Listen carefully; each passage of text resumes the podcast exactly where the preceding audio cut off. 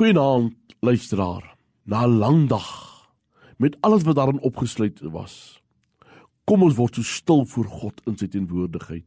Vader, spreek want ek luister. Amen. Ons het gisteraan verwys na die vrou wat aan bloedvloeiing gely het uit Markus 5. Vir haar het ons gesê was haar genesing alles maar sy het nie gebaat daarby nie.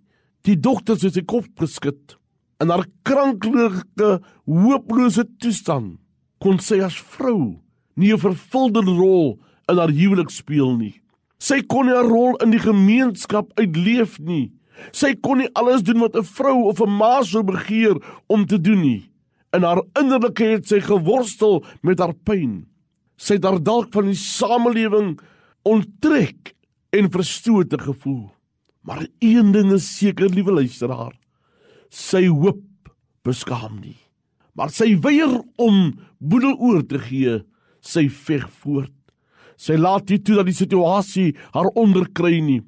Sy laat nie toe dat die stigma van die gemeenskap aan haar toegeken het, die siek vrou, die bloedvloeiing vrou. Sy laat nie toe dat dit haar onderkry nie. Nee, duisendmal nee. Sy sê al het ek my besittings verkoop, al het ek alles verloor en erger geword. Nogtans bly ek hoop. As hy die seun van God, die blinde laat sien het, die stomme laat praat het, Lazarus opgewek het, al is hy verwyd en al was hy laat.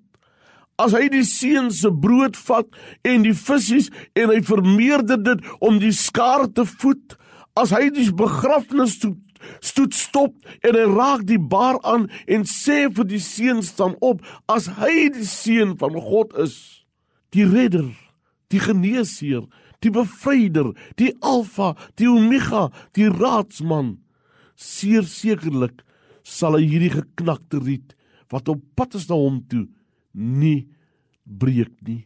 Hy sal hierdie dowwe lamp nie uitblus nie. Johan, Maria, Pieter, Susan, dalk voel jy ek kan nie meer nader kom nie. Christopher, dalk voel jy daar's te veel goed in my pad. Maar weet jy Daniel, jy kan vir God sê, ek staan op en ek verklaar oor my lewe Ek is tot alles in staat deur Christus wat my die krag gee. Here, laat dit so wees. Amen.